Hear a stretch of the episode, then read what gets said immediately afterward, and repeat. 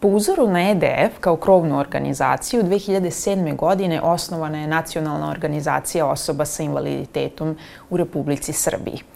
O počecima razvoju same organizacije koja je učestvovala u osnivanju, razgovaramo sa mojom sagovornicom Ivankom Jovanović. Ivanka, jako mi je drago što ste danas ovde, jer nekako gledajući unazad, vi ste sada osoba koja zaista posjeduje i najveće znanje, a i svakako može najbolje da nas uputi i u sam rad organizacije, a i zapravo u, u, neki, u neke ciljeve koji su godinama se menjali, ostajali isti i sve ono što smo pratili dobrodošli. Hvala Milice lepo na e, ovoj zaista lepoj uvodnoj najavi. Hvala na komplimentima. Dobar dan. I meni je jako drago da danas imam priliku da sa vama razgovaram o nacionalnoj organizaciji osoba sa invaliditetom i o tome šta mi zapravo radimo i koja je svrha našeg postojanja. Tako je. E, pre nego što počnemo, ja bih volela i da nam se vi predstavite, jer ja sam ovako na brzinu sa nacionalne organizacije, pa nisam možda dovoljno prostora dala, ali čisto da naši gledalci i gledateljke znaju zbog čega je vaša uloga bitna. E, Milice, vi ste ukratko rekli moju aktualnu funkciju. Dakle, ja sam izvršna direktorka NOIS-a od osnivanja organizacije, a inače sam diplomirani politikolog, odnosno diplomirani novinar, to jest novinarka.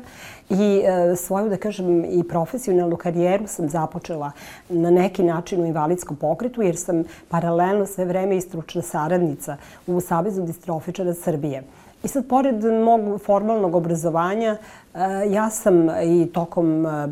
svog rada e, i nekakvog profesionalnog razvoja uvek težila da nekako nadogradim znanje i da stičem što više iskustva. Tako da ono što bih posebno izdvojila kao značajno jeste to što sam ja e, u jednom periodu e, završila i e, školu treninga za upravljanje u nevladinom sektoru, tako da imam i to zvanje trenerice koje sam i na neki način aktivno koristila u svom radu. Tačnije nekih deset godina sam paralelno sa poslovima u invalidskom pokretu radila i to i moram da priznam To je inače bio Tim 3, to bih volila da pomenem, u okviru građanskih inicijativa i mislim da mi je e, to znanje i to iskustvo kroz praksu, kroz rad sa ogromnim brojem organizacija civilnog društva, ali i sa institucijama, sa lokalnim samoupravama, stekla zaista jedno novo iskustvo i zapravo nadogradila ono što kroz formalno obrazovanje ne možemo na neki način steći. I to mi je, mogu slobodno da kažem, dosta pomoglo u poslu kojim se ovde bavim, a koji je najviše fokusiran na pregovaranje, na javno zastupanje, na razne medijske nastupe, na realizacije raznih kampanja i tako dalje. Tako da je to na neki način u mom slučaju bio i, i srećan sticaj okolnosti i spoj nekakvih znanja i iskustava koji mi pomažu i olakšavaju rad ali deluje kao da se baš dobro sve nadgradilo jedno na drugo. Prvo Tako je, da. Politikologija, novinarstvo i naravno sve, sve ove dodatne stvari. Um, ako sada sa ove distance, kada smo pred kraj 2023. godine i kada se osvrnete na početke Noisa, koje su, onako, koje su prva sećanja i zapravo asocijacije na taj period i kako je to sve izgledalo onda? E, da, mi ovaj često kažemo i to je zaista tačno da je NOIS krovna organizacija. Vi ste na početku i rekli osnovana po ugledu na um, razne druge evropske zemlje i na EDF koji nam je u to vreme i pomogao da formulišemo e, ciljeve, da napravimo statut, da se organizaciono e, strukturiramo. Um, naravno, to ne znači da pre toga nije postoja invalidski pokret, odnosno da nije bio aktivan. Naravno, u našoj zemlji je aktivan invalidski pokret um, dosta dugo. Mi imamo dugu tradiciju organizovanja. Neki savezi postoje i po 70 i više godina. E, I do 2007. funkcionisali smo po principu mreža i koalicija što i po teoriji i po praksi znači da je to jedna vrsta neformalnog delovanja koje daje neke rezultate, ali ipak ograničenog karaktera. I mi smo uvideli te manjkavosti i nedostatke, a takođe smo shvatili da problemi sa kojima se mi suočavamo ili pitanja na kojima radimo u pojedinačnim savezima E, se vrlo često prepliću i da su većina problema sa kojima se suočavamo zapravo zajednički. Pitanje i pristupačnosti i obrazovanja i zapošljavanja i samostalnog života i nesmetanog kretanja i svih drugih prava tiču se svih osoba sa invaliditetom. I onih koji imaju fizički invaliditet i onih koji imaju senzorni invaliditet i onih koji imaju intelektualni invaliditet i s obzirom da smo do tada ili u nekom ranijem periodu, pre dve i tri decenije i više, uglavnom te probleme rešavali odvojeno, svaki savez za sebe, e, uvideli smo da to jako umanjuje naše zagovaračke kapacitete i naše e, šanse da ti e, problemi budu rešavani na sistemski način i shvatili smo da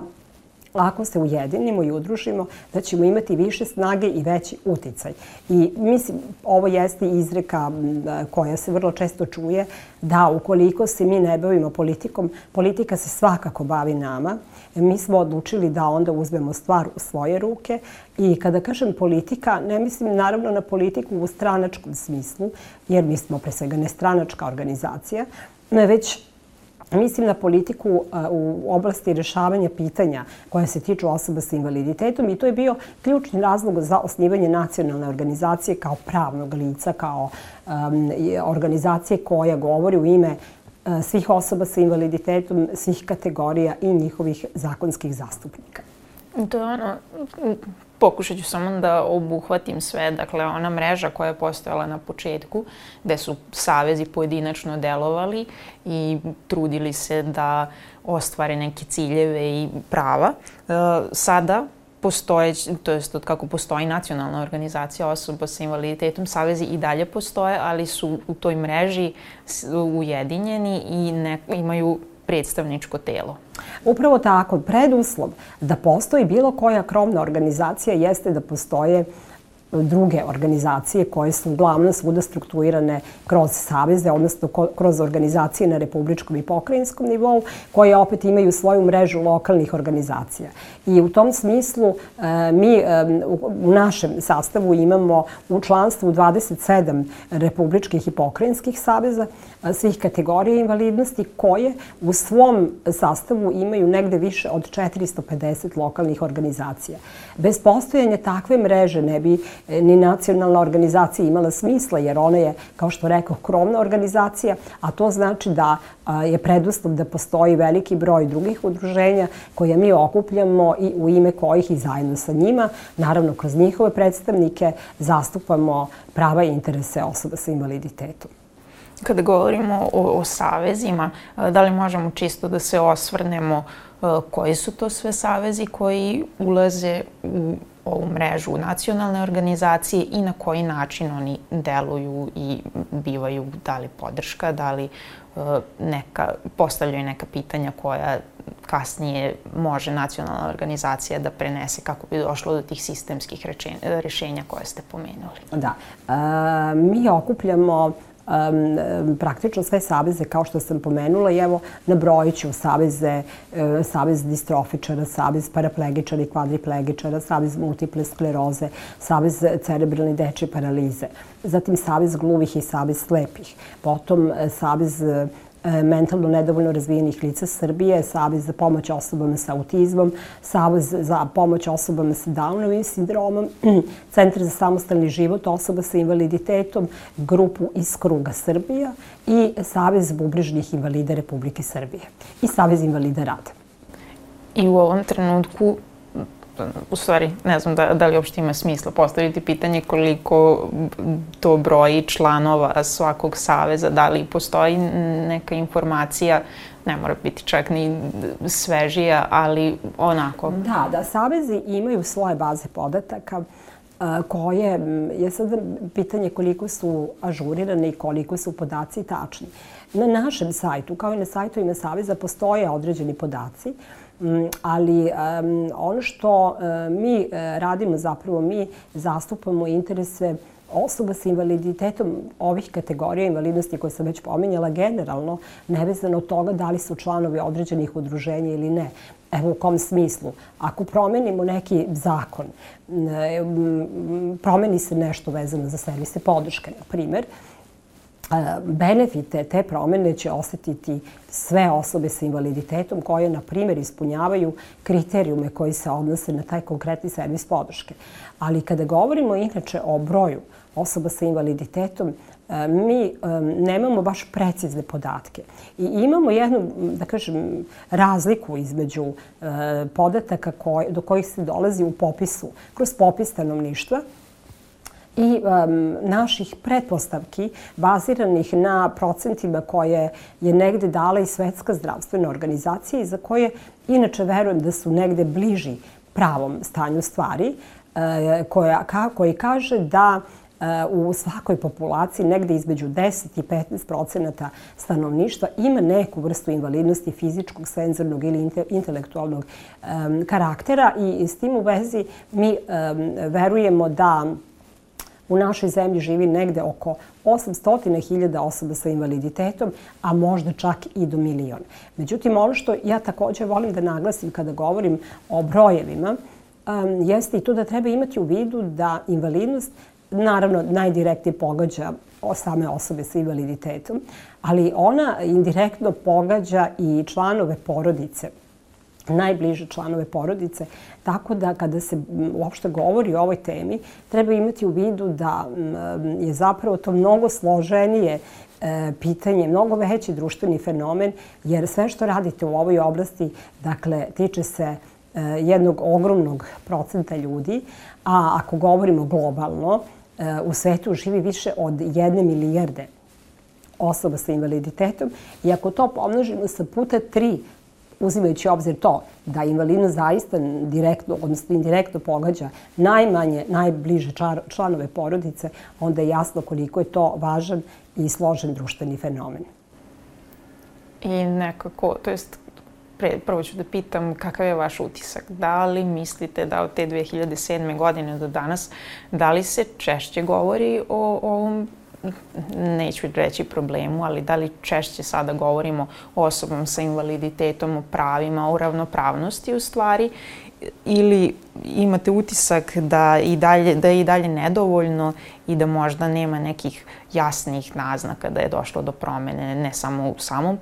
pokretu, nego uopšte to globalno, kako ljudi koji ni na koji način uh, nemaju dodira sa osobama sa invaliditetom, uh, kako, kako je doš, da li je došlo do promene svesti? Sigurno da jeste došlo do promene i, i prvo, mnogo više i češće govorimo o pitanjima i pravima osoba sa invaliditetom, ali i o tome govorimo na drugačiji način, što je takođe važna razlika. E, pre 20 godina, da ne, da ne idemo dalje u prošlost, e, kod nas, ali i u drugim zemljama, nismo mi tu izuzetak, e, više je dominirao taj takozvani medicinski model invalidnosti, po kome su osobe sa invaliditetom više bili e, objekti socijalnog staranja,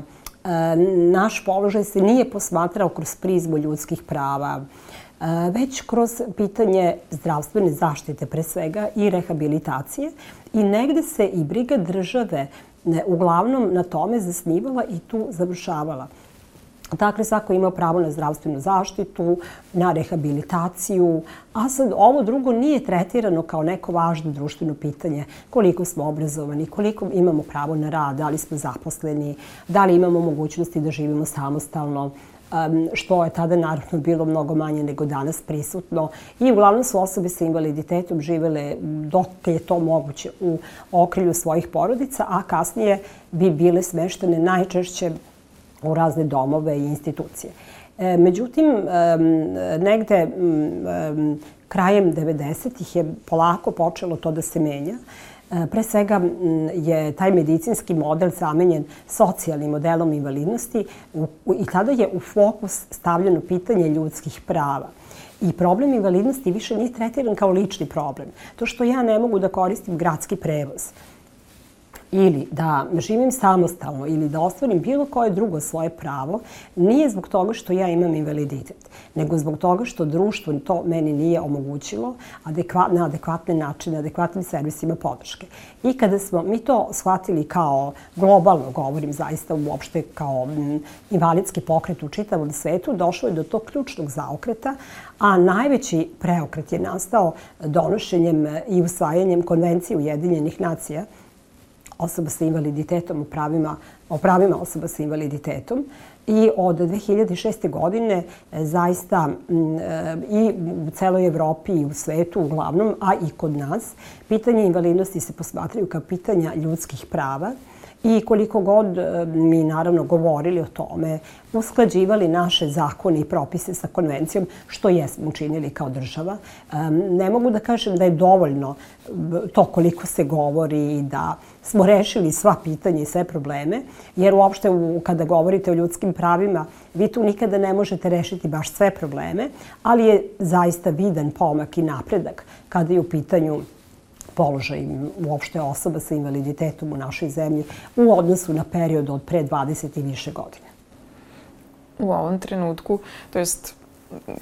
kada samo pogledam sa distance kako je bilo nakon moje povrede i to sad već nekih 16, malo više, skoro 17 godina, e, taj medicinski model je bio neka, neka baza i dalje bez obzira što sad ja, ja sam se mlada povredila i ostao, ali mislim da su koraci bili baš tako. Prvo zdravstvena zaštita i ostalo, ne znam, rehabilitacija, banjsko lečenje, ali se nije previše izlazilo u taj aspekt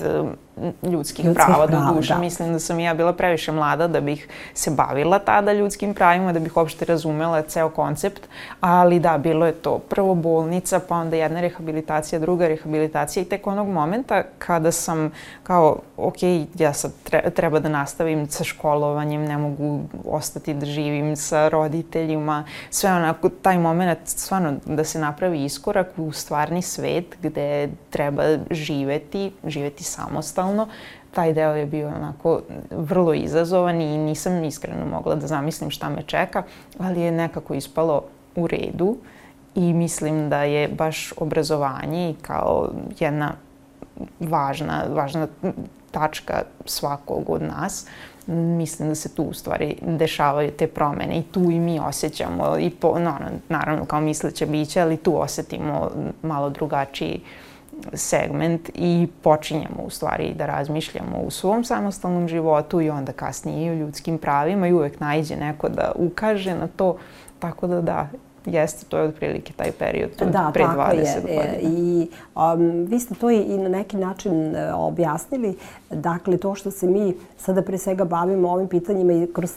tu prizmu, prizmu ljudskih prava, to nikako ne znači da je ovaj zdravstveni aspekt i rehabilitacijni sada u nekom drugom planu, odnosno ne bi smeo da bude, jer je to preduslov za naše normalno uključivanje u društvo. To je zapravo taj socijalni model invalidnosti koji se malo prepominjala je došao kao nadogradnja na ovaj medicinski model invalidnosti. On ga je nadopunio onim delom koji je tu nedostajao, a to je upravo to da svi, iako nismo isti, svi treba da imamo ista prava. Tako je. I govoreći o današnjem periodu, koje su sada aktivnosti Noisa i otprilike gde se sada nalazimo? E, da, pa moram da kažem da mi kao nacionalna organizacija e, najviše uz e, podršku Ministarstva za rad, zapošljavanje, boračka i socijalna pitanja i odnosno sektora za zaštitu osoba sa invaliditetom realizujemo sve naše aktivnosti to je naš najznačajniji partner, iako naravno sarađujemo i sa drugim organizacijama, institucijama i donatorima. I zahvaljujući toj podršci mi imamo e, programe koje kontinuirano realizujemo i naravno neke programe i projekte koje realizujemo ad hoc prema potrebi. E,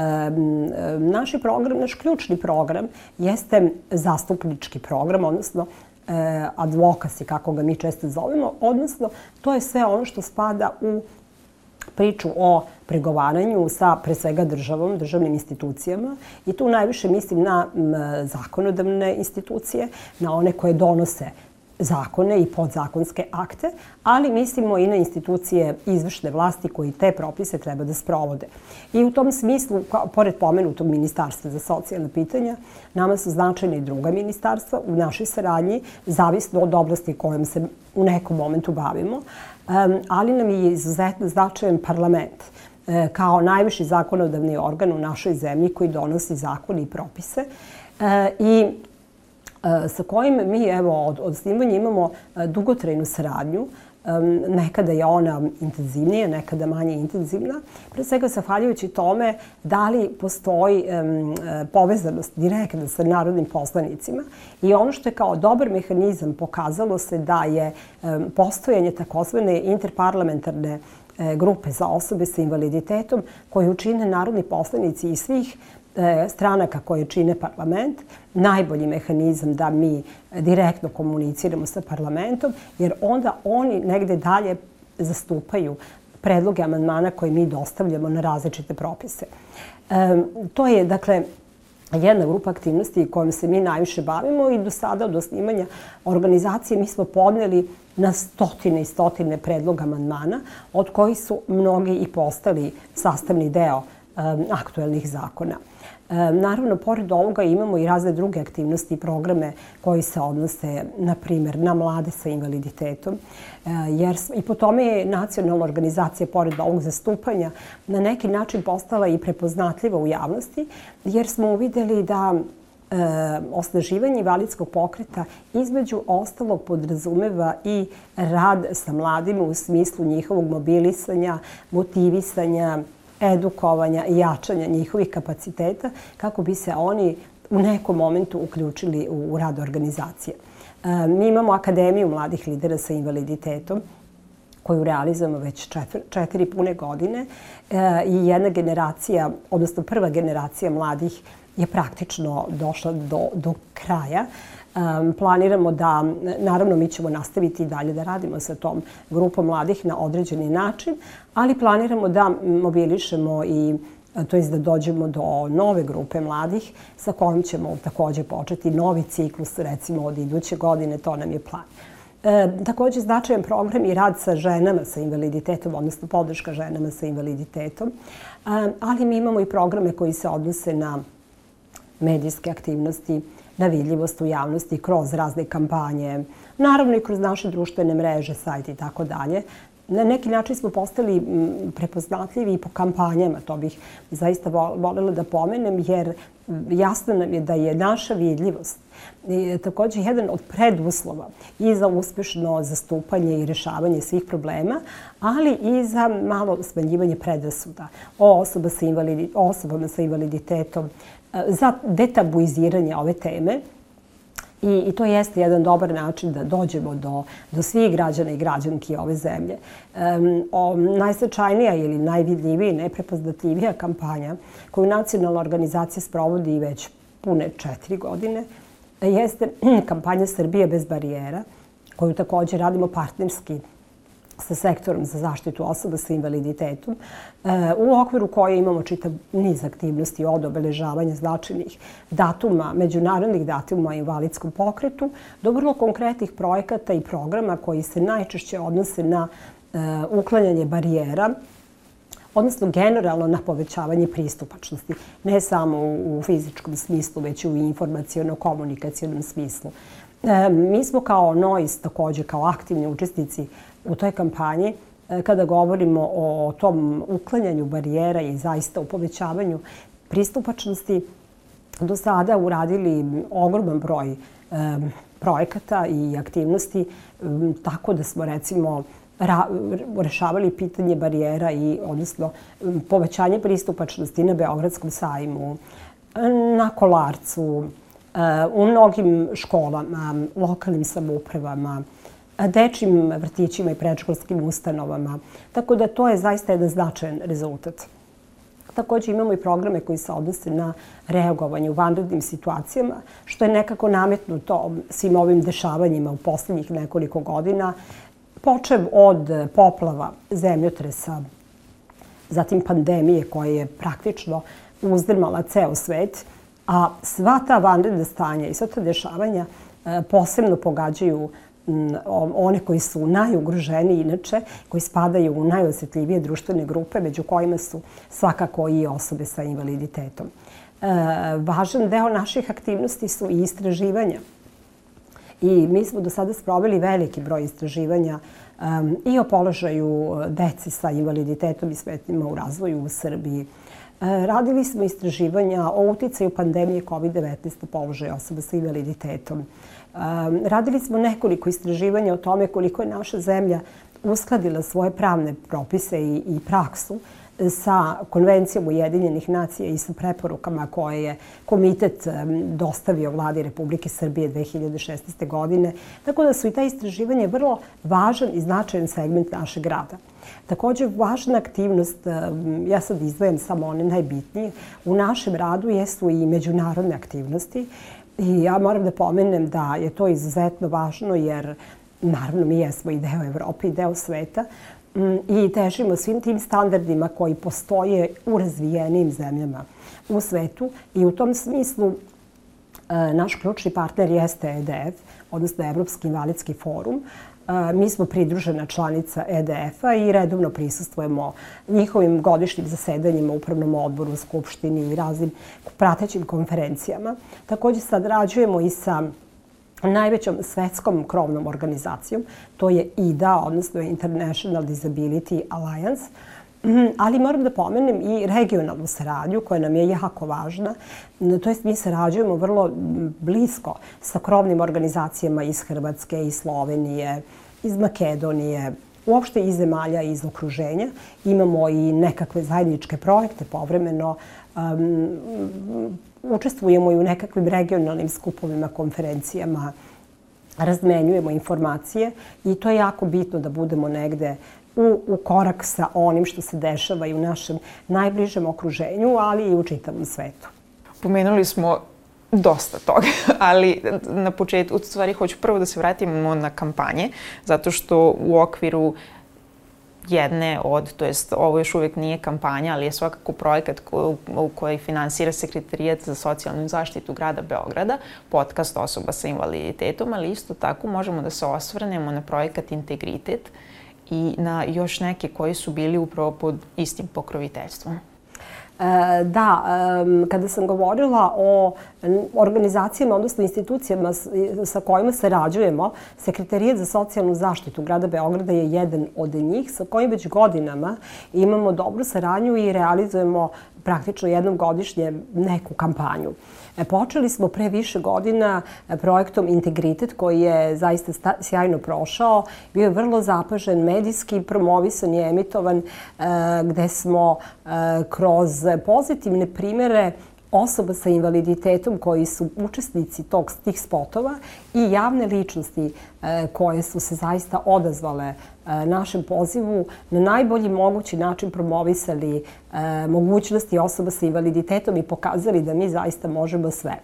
E, to nas je malo kasnije odvelo i dotle da smo realizovali i e, dva muzička spota u okviru opet projekata podržanih od strane sekretarijata e, i takođe uz podršku javnih ličnosti kojima se ovom prilikom zahvaljujem, pre svega Biljani Krstić, ali i Bori Đorđeviću e, i raznim drugim ličnostima koje su u njima učestvovale, e, a pre svega smo napravili, kao što rekao, muzičke spotove na pesmi Mi možemo sve i naše dva srca, koji su nekako već postali vrlo prepoznatljivi u javnosti. E, radili smo sa sekretarijatom i Bonton, odnosno e, to je jedna brošura u kojoj govorimo o tome kako na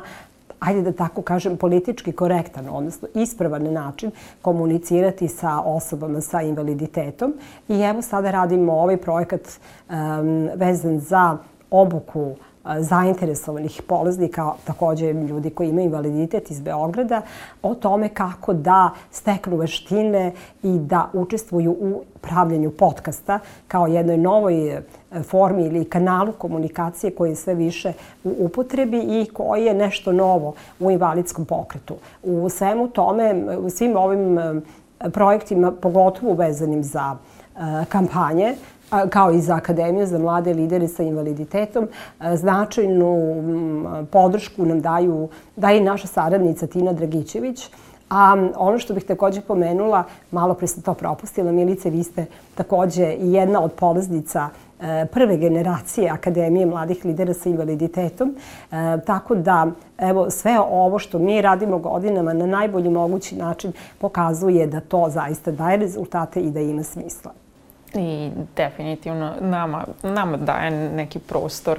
i mo, bit ću slobodna da kažem da su upravo ove radionice i sam projekat podcast osoba sa invaliditetom donele neke nove ljude i iskreno ja dočekam da, da se oni okušaju ne samo u kreiranju podcasta nego da pokušaju i da rade nešto svoje i tako dalje jer mislim da radeći sa njima i govorim sada i u svoje ime i u Tinino ime, da, da smo uspele nekako da dopremo i da možda probudimo i tu neku kreativnu crtu koju možda oni nisu, uopšte se nisu bavili time, ali im je bilo dovoljno zanimljivo da se prijave na radionice, da dolaze redovno, da, da pohađaju. Tako je, da. Ono što želim da dodam, odnosno da se nadovežem na ovo što ste vi, Milice, sada rekli, a to je da e, NOIS kao krovna organizacija u svim onim programima i projektima kada radi sa konkretnim ljudima, kao što su mladi sa invaliditetom, žene sa invaliditetom i uopšte osobe sa invaliditetom koje su zainteresovani za neke teme, evo kao što su recimo podcasti, mi vodimo računa da uključimo osobe sa invaliditetom različitih kategorija iz cele Srbije, osim naravno kada radimo projekte uz podršku sekretarijata, jer se onda oni naravno odvijaju isključivo ovde na teritoriji grada Beograda. E, dakle, vodimo računa o tome da na neki način postignemo jedan opšti interes ne radeći samo sa članovima jednog udruženja, jedne organizacije, jer to rade inače postojeća udruženja. E, nama je dakle cilj da pravimo ako je to moguće i koliko god je to moguće, neke, da kažem, sistemske promene, ne samo kroz zakone, propise, što jeste osnovni okvir da bi se menjao položaj ljudi sa invaliditetom, da bi te dobrobiti tih zakona osetili i mi koji živimo u Beogradu i vi koji živite u Novom Sadu, ali i oni koji žive u manjim gradovima i u selima i u manje razvijenim delovima Srbije. Ali, e, dakle, e, ipak smo uvideli da bez uključivanja ljudi koji su deo ovog pokreta u celu ovu našu priču ne bi to sve imalo mnogo smisla. Mi recimo sada paralelno imamo već tri godine e, i podršku um, psihosocijalnu podršku jedne grupi, zainteresovane grupe osoba sa invaliditetom koju pružamo u okviru projekta koji realizujemo sa Crvenim krstom Srbije kao takođe jednim od naših partnera. Mnoge partnere nisam pomenula. Evo, ovo je možda prilika da, da se osvrnem još malo i na to. Tu je i OEBS od međunarodnih organizacija, tu je i Kancelarija UN Women Srbije, tu je i poverenik za zaštitu ravnopravnosti, republičke ombudsman i tako dalje. Da, i jako, jako važno i nešto što je meni nekako uvek na, na umu, jer onog momenta kada shvatiš da imaš neku vidljivost i da si ti da je, to jest u mom slučaju da sam ja sad jedna od onih ljudi koji uspevaju možda da ostvare neke svoje privilegije i onda usp, želim i da priznam sebi, ok, ja sada to jesam i jesam privilegovana, ali nikako ne smem da zaboravim sve one ljudi koji su možda negde u unutrašnjosti Srbije i koji nemaju prilike u svom svakodnevnom životu da upravo učestvuju u ovakvim projektima, događajima, da budu deo nekih inicijativa, jer koliko god mi govorili o udruženjima na lokalnom nivou, često uh, često to ne dolazi do onih do, koji, do kojih bi trebalo da stigne. I ja sam nekako imala takav utisak kao mlada osoba koja je došla iz male sredine, kao što je Titel. Ja u tom trenutku nisam doživljavala da treba da se priključim nekom udruženju, da na tom planu mogu nešto da uradim, jer nisam sebe videla, delovim je da su stariji ljudi, da ja tu prosto ne, nemam šta da tražim. I onda kada dobijem priliku lično ja da radim ovako nešto, jako me raduje kada vidim nova lica, kada vidim neki ljudi koji dolaze van Novog Sada, van Beograda, ali da oni imaju taj entuzijazam i da žele i da osjećaju potrebu da budu deo nečega, da donesu neku promenu i vrlo, vrlo jasno govore o tome, što mi je opet isto tako pokazatelj da koliko god ja možda mislila da informacije ne, ne dolaze do onde, na, postoje kanali naravno kojima će doći i da će ljudi moći jako lepo da se informišu. No isto tako i dalje je potrebno dosta osnaživanja i dalje je potrebno dosta tog podstreka ali i, i na svaki način ohrabriti te ljude da istupe. Da, tako je. I to je normalno, Milice. Ja mislim da jedan mlad čovek um, pogotovo ako stekne invaliditet u nekom momentu, ali i ako je rođen sa tim svejedno, nema u startu ideju da će se uključiti u neku organizaciju i, organizaciju i krenuti, krenuti da radi u invalidskom pokretu. Ja mislim da je to normalno. U tom momentu mi svi imamo neke druge ciljeve, ideale i prva ja Evo, ako mogu to da kažem, nikada nisam, ne nikada, nego kad sam negde završila fakultet, nisam zaista imala u planu da ikada radim u invalidskom pokretu, jer sam želela da se bavim novinarstvom. To sam zbog toga i završila i to je nekako bio moj m, davnašnji san. Međutim, e, nekako se desilo sticam okolnosti da sam ušla u invalidski pokret, ovoga puta mogu da kažem iz ove perspektive, srećnim sticam okolnosti i tu sam i ostala. U početku je delovalo kao da sam tu privremeno, ali onda sam se potpuno vezala za celu ovu e, priču i aktivizam, jer sam shvatila da zapravo ovde ja lično mogu da iskoristim sve što sam naučila do tada ili kasnije na najbolji mogući način i da će mnogo veći doprinos e, o invalidskom pokretu, da ne kažem društvu u celini, biti veći kroz moj angažman u civilnom društvu, organizacijama osoba sa invaliditetom, nego mojim angažovanjem u novinarstvu. I sve što smo ovde postigli i učinili negde neke pomake, dobro je i za mene lično. I to je zaista i veliki motiv, ali sa druge strane, u pravosti kada ste primetili da nekako u organizacijama je struktura ljudi malo ovaj, zastarela, usuđujem se reći, da je zaista potrebno u sve organizacije uključiti nove, mlade ljude, aktiviste koji će doneti novu energiju, entuzijazam i to jeste bila ideja zašto smo mi pokrenuli pre svega Akademiju mladih lidera sa invaliditetom i to je prosto je podsticajno kada vi vidite da u drugim ili u nekoj organizaciji postoji neka mlada osoba, to će možda i vas privući da se angažujete u nekoj drugoj i to je jedna mreža koja se onda širi kao jedna vrsta pozitivne energije. Jeste. Ono što je meni takođe uvek super da pomenem jeste da je potpuno okej okay da se mi ovako malo isprofilišemo u invalidskom pokretu, ali da ne bi, ne bi, nije problem i ako neko to ne želi, odnosno ako stvarno želi da ostane u svojoj profesiji, kao što je vaša bila novinarstvo, da nastavi da radi to što radi, jer e, verujem i sretala sam ljude koji su sami od sebe, to jest ne sami od sebe, imali su divnu podršku koja je doprinela da budu dovoljno osnaženi da nastave svojim putem. I da i oni su sad ti primeri kojima i ovi mladi o kojima smo malo pregovorili mogu da teže, da budu dobri u svom poslu, da nastave da rade i uvek će biti uh, taj primer na koga će se neko ugledati. Jer kada sam ja počela, to jest pre nego što sam počela da se bavim novinarstvom i pre nego što sam počela da radim na televiziji Vojvodine, tada je, sam videla jednu novinarku koja radi na BBC-u i ona mi je bila kao neki, ne, ne kao neki uzor, bila mi je uzor, tačka. Jer imala sam nekoga ko je bio prezenter koji je radio sve te stvari na neviđeno sjajan način i onda videvši to kao dobro, možda ću ja uspeti, možda ću ja raditi nešto slično. I zato i jedna i druga strana priče za mladu individu, za svaku individu na kraju krajeva je jako važna i to je neki put koji na kraju sami mi osetimo da li ćemo da se priklonimo jednoj strani ili drugoj i ono što je najvažnije nema tu strana, uvek radiš baš ono što ste jako lepo rekli i za moj lični rast, ali i doprinos koji dajem invalidskom pokretu i društvu u celini. Ima tako je. Potpuno je legitimno da svako odluči i izabere svoj put i da i ima ideju da li želi da bude deo ovog invalidskog pokreta ili da radi nešto sasvim drugo. Čak i radeći nešto sasvim drugo, kroz svoj, da kažem, dobar, pozitivan primer, takođe činimo dobrobit e, za, za sve nas ali je važno da imamo mogućnost izbora u svakom smislu i nama je naravno važno da e, među svojim aktivistima imamo najveći broj samih osoba sa invaliditetom jer je naravno najprirodnije, pošto mi najbolje poznajemo šta je to sa čime se suočavamo, koje su to prepreke, problemi, vrste diskriminacije i tako dalje, onda je logično da ćemo mi najbolje znati da se borimo protiv toga, a to jeste i u skladu sa onim motom koga smo svi sigurno toliko puta čuli, a to je moto i svetskog i validskog pokreta ništa o nama bez nas. Iako nemamo ljude koji su, mislim ljude sa invaliditetom, deo pokreta,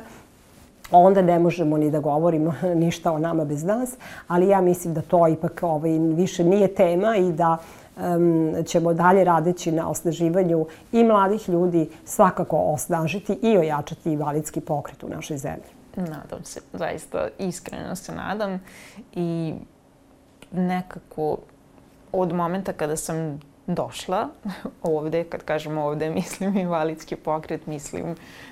Nojska organizacija i svi projekti na kojima sam dobila priliku da učestvujem, ono što sam otkrila bilo je koliko je važno savezništvo i to apropo upravo ljudi koji nisu osobe sa invaliditetom, koliko su nekada ti ljudi možda bili bolji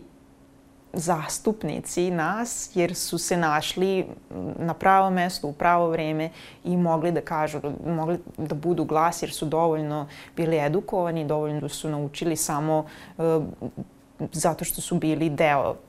ovakve organizacije i to je isto onako jedna lepa stvar koju definitivno volim da ponesem sa sobom i sam, samim tim što uh, imam partnera koji je sada uh, toliko promenio način razmišljanja i uvek kaže kao kada sam upoznao tebe, odnosno kada je sa mnom počeo da ovaj, upozna i druge ljude sa invaliditetom, koliko je njemu to lično značilo da može sada nekog drugog da uputi i da skrene pažnju na neke stvari. I tu su oni mali razgovori koji se dešavaju u kancelarijama ili negde na ulici ili da se samo skrene pažnja na, da se nešto ne radi na pravi način i to je onako što je meni takođe onako jedna lepa stvar koju nikako ne želim da zaboravim, a u, ono, treba stvarno pomenuti jer to su ti ljudi na koje mi ipak puno računamo. Da, pa mi na neki način senzibilišemo e, druge ljude, pre svega senzibilišući one koji su nama najbliži, a onda dalje oni to šire. I zato je to važno zaista jedna kratka digresija, to jest nije digresija, vraćamo se na nešto što ste vi prethodno već rekli vezano i za parlament i za zastupništvo i to što uopšte razgovore o konvenciji Ujedinjenih nacija. E, nedavno sam čitala tekst vezan za razumna prilagođavanja. Koliko to još uvek nije kod nas prisutno i zakonski nemamo taj okvir da se ukaže koliko je to važna stavka. Nije i da u stvari razlikujemo pristupačnost od razumnih prilagođavanja što nam je vrlo bitno kada smo studenti na fakultetu, kada dolazimo na novo radno mesto gde je potrebno nešto sitno izmeniti da se ne tiče konkretno pristupačnosti nego samo neke izmene koje će nama trenutno da pomogne da bolje funkcionišemo u prostoru. I sad verujem da ima još dosta tih tako stavki koje deluju malo, ali zapravo nama kao osobama sa invaliditetom mogu puno da znače. I kako sada,